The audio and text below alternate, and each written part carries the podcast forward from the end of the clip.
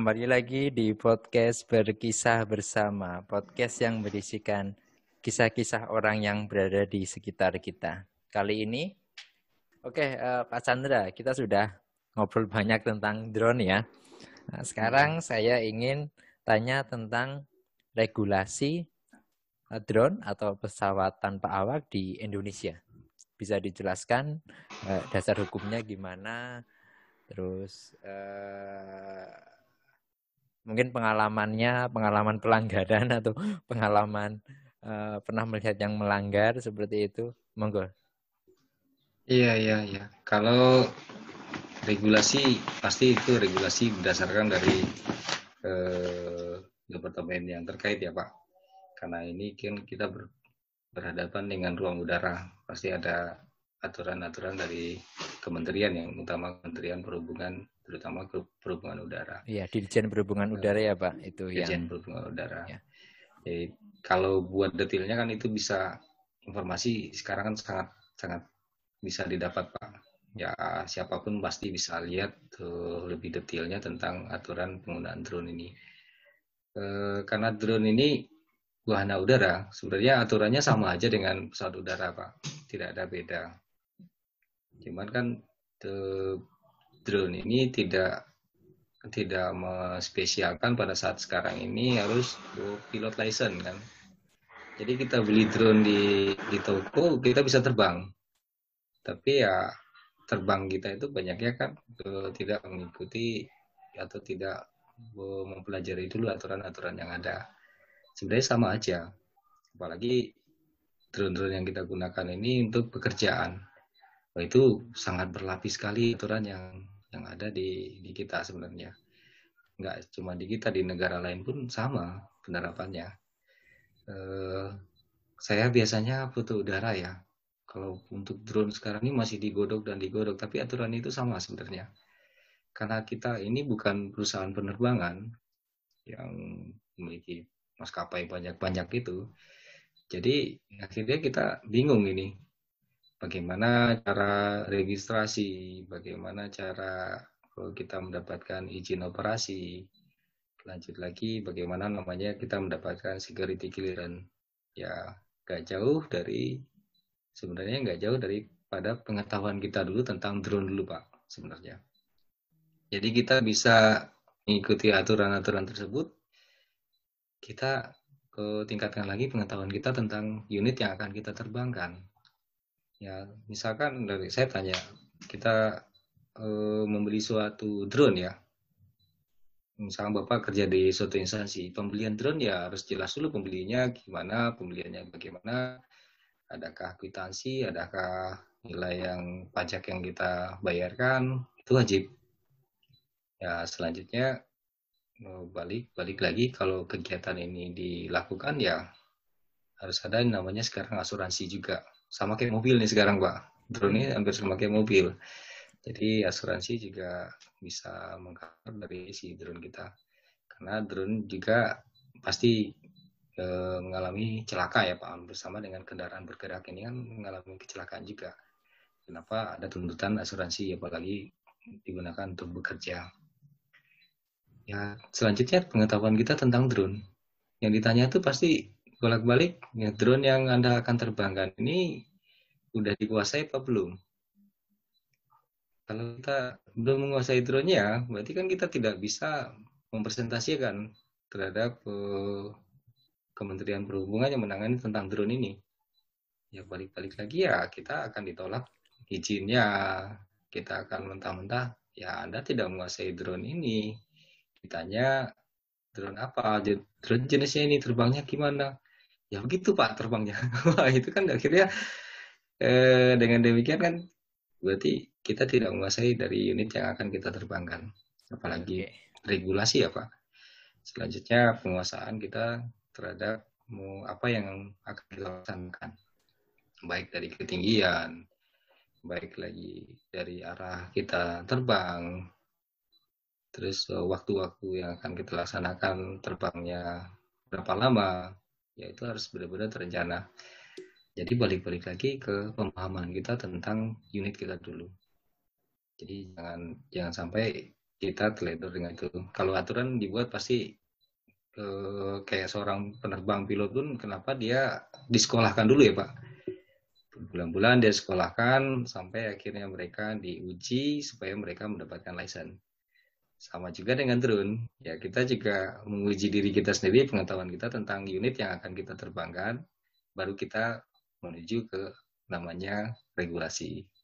Oke. Itu dia Pak. Uh, Ya, bisa dijelaskan Pak secara teknis Mm-mm. eh, kita menerbangkan drone butuh izin itu ketika katakanlah di ketinggian berapa dan di area mana seperti itu.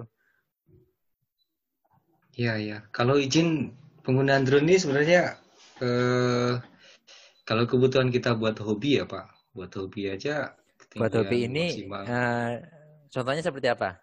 Nah, biar pendengar tahu, Ya. oh ini buat hobi seperti itu. Hobi itu berupa misalkan kita terbang untuk mendapatkan apa ya eh, keinginan kita Dokumentasi. dokumentasi, Nah, ada orang dokumentasi. hajatan itu ya, Ada orang hajatan, gerak ada jalan. Gerak jalan atau kemampuan kita untuk namanya FPV, Oke, Kemampuan atau ada buat- dangdutan di alun-alun. ada dandan ya seperti itu Pak. Ya Nah, itu sampai gimana Pak ya? ya itu sih Pak lebih banyak buat hobi-hobi ya. Tapi ketinggiannya tidak melebihi sekarang dari 400 feet atau 120 meter. Oke. Dan area kita terbang itu bukan di daerah KKOP atau kawasan eh, operasi penerbangan ya. Oh, itu di sekitar Ya. bandara ya Pak KKOP? KKOP di sekitar bandara.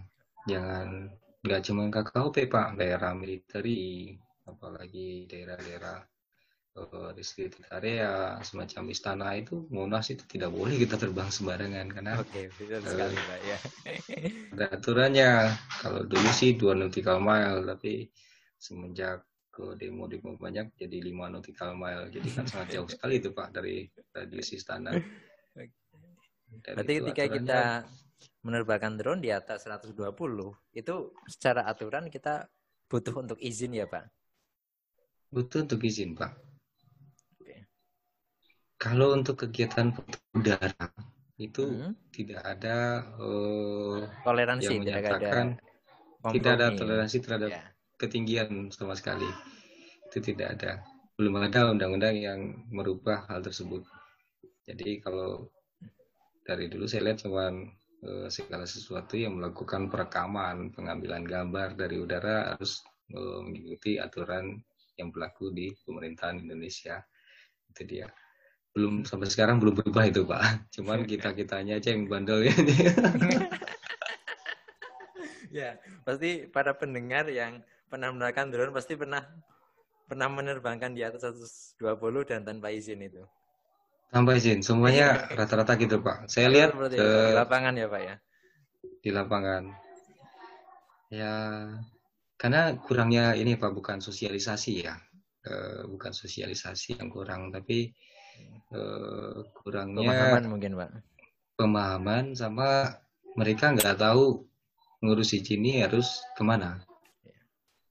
Sebenarnya tahu, tapi kadang-kadang dengan tuntutan pekerjaan yang mereka tawarkan itu murah meriah, ya akhirnya mereka ogah-ogahan untuk ngurus hal tersebut itu dia, Pak. Oke oke oke ya ya ya. Iya, iya. Balik-balik lagi ke tuntutan murah meriah itu, Pak. Contoh, se- sebuah perusahaan beli, ya perusahaan perkebunan dia beli drone DJI gitu ya. Buat lahan 10.000 hektar ya. Pemaksaan buat karyawannya 10.000 hektar pakai satu DJI. Wah, itu luar biasa itu. Berapa kali terbang itu? Berapa hari? Iya. Yang penting saya udah belikan drone buat kamu, tapi kamu harus selesaikan kebun ini. Ya, Itu yang yang pemahaman kayak gitu yang yang kita hadapin pada saat ini ya Pak. Terus ya pemahaman tentang eh, aturan yang ada. Contoh ya seorang pimpinan itu cuma berpikir outputnya sama outputnya aja. Yang penting kan saya udah belikan kamu drone. Ya kamu laksanakan pekerjaanmu menggunakan drone ini tanpa Oke. memperhatikan kaidah-kaidah yang ada. Itu dia Pak. Oke, untuk para pendengar yang ingin tahu eh, dasar hukum dari penerbangan drone ini, salah satunya itu peraturan Menteri Perhubungan nomor PM 37 tahun 2020 tentang pengoperasian pesawat udara tanpa awak di ruang udara yang dilayani Indonesia. Itu ya Pak ya? Betul, itu yang terbaru Pak. Ya, peraturan Menteri Perhubungan terbaru yang uh, mengatur, meregulasi tentang uh, penerbangan pesawat udara tanpa awak. Iya, betul Pak. Oke, uh, untuk pilotnya sendiri Pak, apakah ada sertifikasinya dan dari mana itu? Uh, kalau sertifikasi sendiri sebenarnya banyak sih Pak. Uh, kita sih bisa uh, mengikuti namanya sertifikasi yang diselenggarakan oleh uh, Dirjen Perhubungan sendiri ya Pak. Oke. Okay. Ya itu berupa balik-balik lagi pengetahuan kita tentang safety regulasi. Ya kalau kita mampu ya kita datang tinggal menunggu jadwal cuman jadwalnya ini sampai sekarang tidak datang ya Pak. Karena banyaknya kegagalan-kegagalan orang yang mengikuti uh, ujian dari uh, sertifikasi regulasi. Ya ada juga sih ya, di FASI ya eh, Federasi Aerosport Indonesia yang larinya sih sebenarnya buat sport ya Pak buat olahraga. Tapi karena pembinanya berupa TNI AU juga yang mewadai fasi ini, akhirnya dibukalah kelas untuk sertifikasi uh, pilot uh, drone ini. Ya dengan pengetahuan-pengetahuan yang hampir sama yang kita akan ujiankan di uh, perhubungan. Jadi untuk sementara sekarang ini perhubungan membolehkan kita uh, mengadakan sertifikasi atau mendapatkan sertifikasi asal pengetahuan yang disampaikan atau ilmu yang kita dapat itu cukup untuk melakukan penerbangan drone. Intinya begitu, Pak. Oke, iya, Pak. Jadi kita paham tentang aturan yang ada, akhirnya kita diizinkan mendapatkan sertifikat dan menerbangkan drone. Oke. Selain Jadi, pilotnya sendiri, untuk mhm. wahananya hmm. sendiri itu apakah perlu untuk diregistrasikan? Katakanlah kalau motor kan kita ada BPKB ya. iya, iya, iya, iya. Kalau untuk sekarang sekarang sih lebih ke uh, ini ya Pak registrasi itu di nama unit ya Pak. Nama unit uh, dia lihat dari uh, pembelian juga ya. Pembelian dia mempunyai serial nomor pembelian.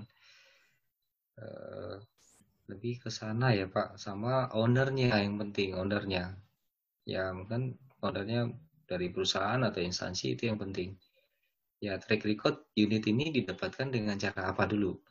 Kalau di pesawat udara kan dia udah jelas di Indonesia nih, bos registrasinya PK ya. PK depan itu semuanya Indonesia PK. Oke, okay, ya. Kalau belakang itu pesawat kan, pesawat Garuda itu kan PK sekian, PK Garuda. sekian. Betul. Benar. Nah, kalau untuk drone mungkin lebih ke nama unit yang sekarang di, di register ya Pak, nama unit serta kepemilikannya oleh siapa. Jadi itu yang utama. Kalau untuk registrasi seperti pesawat udara ini lagi diatur sih mendengar kabar-kabarnya lagi diatur. Cuma kan sampai sekarang belum terwujud namanya pesawat saya sampai sekarang belum PK kok pak. Masih berdasarkan nama aja. Kita apalagi pesawat sendiri yang, pak. Wah ya apalagi pesawat-pesawat yang beratnya lebih dari 15 kilo. Oke. Okay. nah, itu yang lebih lebih perhatian pemerintah lebih khusus lagi kan. Karena unit di ini sendiri lebih berat dan daya jangkauannya juga lebih jauh. Ya kita benar-benar harus lebih diawasi dan diawasi. diregister pesawat ini. Ya. jangan sampai karena, pesawat ini digunakan karena untuk hal-hal yang tidak diinginkan. apabila mengalami hal yang tidak diinginkan crash atau apa nanti kan dampaknya juga bisa kolateral itu bisa ke mana-mana Benar itu Pak Ganjar. Membawa beratnya berat ya membawa hal-hal yang tidak diinginkan juga bisa itu dia. Oh, iya betul juga. Pilotnya itu bisa diisi hal yang tidak diinginkan yang dilarang ya Pak itu. Benar, yang dilarang membahayakan orang-orang banyak lah. Nah, iya. itu dia Pak. Berarti uh, untuk menjadi penerbang drone yang sesuai dengan aturan itu harus paham regulasi ya Pak, nggak cuma skill teknis saja, nggak cuma jago kanan kiri atas bawah terbang hover landing mulus. Benar benar Pak, kalau itu kan skill ya, skill yeah. ya, skill skill orang tersebut. Ya, selanjutnya kan kita pengetahuan kita tentang unit kita nih. Pasti dia akan ditanya dong. Ya, seperti kita mau ujian kan, Pak. Uh, ini pesawat ini kalau terbangnya jauh terus terputus jaringannya gimana? Ah, paling paling pulang sendiri pak. Kalau begitu aja kan, atau berdoa apa? Itu jawaban yang yang akhirnya sama aja kita tidak diluluskan untuk jadi menerbangkan drone ini pak. Semua pilot kan pasti diujiankan juga, walaupun kita menerbangkan drone ya. Tapi kan pengetahuan kita tentang unit kita yang utama, apalagi tentang aturan kita terbang kan. Seorang penerbang beneran pun dia terbang nggak asal nggak salah-salah terbang dia harus tuh cek dulu pesawatnya cek lagi kondisi bahan bakarnya. Dia ikut checklist-checklist yang ada. Buat menyalakan mesin aja dia harus kontak tower dulu. Masa kita menghidupkan drone udah nyala langsung terbang. Itu dia. Betul betul. Karena kan yeah. Iya. uh, terutama helikopter helikopter itu kan terbangnya rendah ya pak itu kan Terbang rendah. Di ketinggian yang sama dengan drone biasa beroperasi seperti itu. Betul, betul. Nah, itu yang cukup riskan. Apalagi kita tidak kedetek oleh uh, radar ya.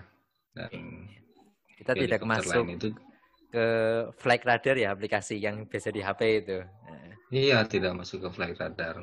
Kecuali kalau ada komponen yang kita tanam di drone yang lagi digodok sekarang Pak buat pembicaraan itu namanya IMO ya.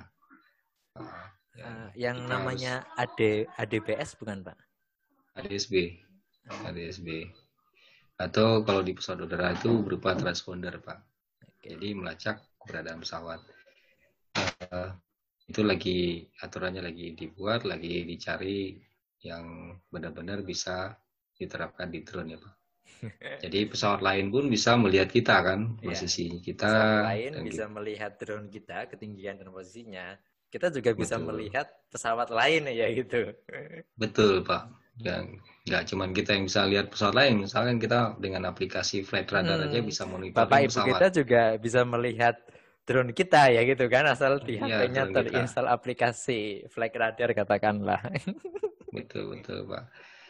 Jadi jangan kita seperti benar-benar pesawat siluman kan kita bukan siluman ini. Iya, kita kan untuk ngambil data ya Pak dan data itu kan bukan data. siluman ya gitu. Bukan siluman itu dia Pak. Apalagi ya lebih baik kita ya meningkatkan keamanan sih Pak. Ya aman bagi kita apalagi berawak itu kan aman buat nyawa orang yang membawa pesawat itu. Kalau kita tidak berawak cuman materi aja yang kita rugi. Misalnya drone kita hancur dan ya hancur paling kerugian materi aja. Kalau hmm. pesawat berawak kan itu ada nyawa di atasnya. Lebih-lebih daripada materi yang kita punya itu dia pak. Ya oke pak. Ada pengalaman ini nggak pak? Saya dengar-dengar pak Chandra ini pernah uh, menertibkan drone-drone yang terbang Waduh. di kawasan Senayan pada saat Asian Games. Gimana itu ceritanya, Pak? Waduh, kalau itu saya cuma diajak ya, Pak, dilibatkan pada satu kegiatan yang diwadahi oleh uh, PASI juga sih, Pak, sebenarnya.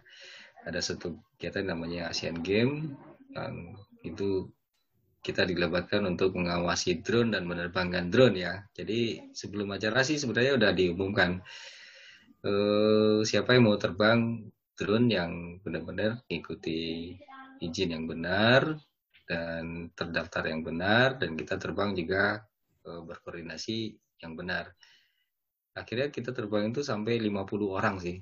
Pada saat okay. itu yang daftar 50 orang. Oke, okay, itu sudah saya. izin semua ya 50 orang itu.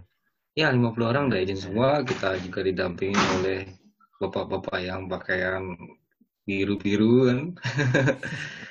akhirnya di situ uh, ada drone-drone yang lain tidak berkoordinasi terbang juga. Oh, di luar yang 50 itu ya? Di luar yang 50 itu okay. terbang juga malah di dari depan istana. Waduh. Lebih berani ini di prohibit restricted area. Ya, kebetulan saya di dipinjamkan uh, alat jammer namanya okay. atau yang buat ngejam atau mengambil alih si drone.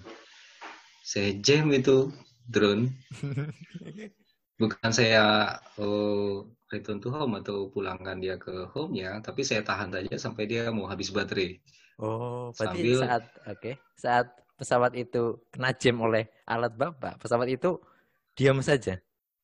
Diam saja, tidak bisa dikendalikan lagi. Oke, okay. sampai baterai habis. Sampai baterai mau habis dan petugas mendat mendatangi dia. Oke, okay, oke, okay. ya ya. Oke, okay, ya, ya, petugas mendatangi dia. Uh, akhirnya orangnya hilang, Pak. Terus dia juga ditinggal drone-nya. ditinggal. Gak lama kemudian ke ada yang datang ke ke apa ya ke salah satu instansi yang uh, juga ya melakukan pelatihan ke Dispodirka yang punya ternyata orang perhubungan yang punya drone tersebut jadi uh, uh, orang perhubungan bukan perhubungan udara tapi jadi di kalangan kita pun nggak semuanya walaupun dia di perhubungan tidak tahu juga tentang regulasi ini jadi kurangnya pengetahuan orang-orang punya drone tapi tidak cari tahu tentang aturan yang ada itu dia Pak. Oke. Dapat berapa drone Pak pada saat itu? Korbannya dapat berapa ini? Saya banyaknya dapat drone-nya di instansi loh Pak, bukan dari orang umum. Banyak ya. itu saat dari... pembukaan atau saat gelaran sekian hari ya gitu? Gelaran sekian hari sih okay. uh, sebelum pembukaan, sebelum pembukaan. Saya sebelum dapat dari dinas ya? pariwisata, dapat dari perhubungan. itu kalau dikumpulin sih ada 20 drone. 20 ya. drone ya. 20 drone. Teman kita akhirnya cuman uh, memberikan teguran, sosialisasi karena kan uh, pada saat itu baru mau mulai tentang aturan-aturan ini, Pak. Jadi lebih baik kita memberikan sosialisasi dulu sebelum adanya penindakan secara tegas itu dia ya dengan melihat gitu ya kita kita sendiri yang diajak untuk menindak drone ini ya kita akhirnya lama-lama juga sadar juga kalau iya. kita yang nanti akan ditegakkan itu dia. Betul sekali. Pada saat menjadi pelaksana bakal keinget saat ngejam-ngejam itu, Pak. kalau nakal-nakal lagi bakal merasa berdosa ini. benar, benar, benar, Pak Ajar. Oke, Pak. Nah, ini sudah hampir sejam lebih ya kita ngobrol ya. iya, iya. Nggak berasa ini, Pak. Nggak berasa ini. Uh, bisa ada closing statement, Pak? Atau masukan untuk para pendengar? Monggo. Oke, ya Pak. Ya, kegiatan di udara ini sangat menarik. Apalagi kegiatan menggunakan drone. Ya, kalau dari saya konsentrasinya kita selalu memperhatikan uh, unit yang akan kita terbangkan, pelajari unit yang akan kita terbangkan, uh, lihat dulu kondisi uh, tempat kita mau terbang, itu yang utama. Jangan sampai uh, drone ini menyusahkan kita atau merepotkan orang yang uh, yang lain di sekitar kita untuk penerbangan drone kita. Karena tujuan kita adalah uh, yang pertama adalah lupa hobi, yang kedua adalah mendapatkan hasil yang bagus itu jadi bermasalah karena uh, kurangnya perhatian kita terhadap hal hal-hal yang akan terjadi dari dampak drone ini. Sekian itu aja Pak Lajar. Okay. Lebih ke tingkat kehati-hatian sih Pak, bukan ke ini. Oke, okay, ya. ya. Uh, terima kasih Pak Chandra yang sudah ya, berkisah banyak hal tentang pengalaman Waduh. ya tentang terbang ilegal yang hampir mengambil Iya, itu cerita dulu lah, Pak. Sudah bertobat, Pak. Yang penting itu, Pak. itu yang penting, Pak. Sudah ya. tidak dipaksa atasan lagi, Pak, buat hal gitu. Sebenarnya itu aja. Dan juga sudah uh, bercerita tentang bagaimana sistem Eh, pesawat udara tanpa awak beroperasi, tentang regulasi yang harus eh, kita patuhi dan juga tentang pengalaman dalam melakukan eh, tindakan pada saat gelaran Asian Games. Oke, kita sudah hampir sudah satu jam lebih, Pak Chandra. Iya Pak, makasih banyak mau nih. tak mau podcast ini ya, saya tutup. Terima kasih sudah ikut bergabung di podcast berkisah bersama. Iya Pak. Oke, para pendengar podcast berkisah bersama, eh, kita kembali lagi di minggu depan seperti biasa. Podcast ini akan uh, publish hari Sabtu di Spotify. Jangan lupa untuk uh, ikuti podcast berkisah bersama di Spotify. Thank you.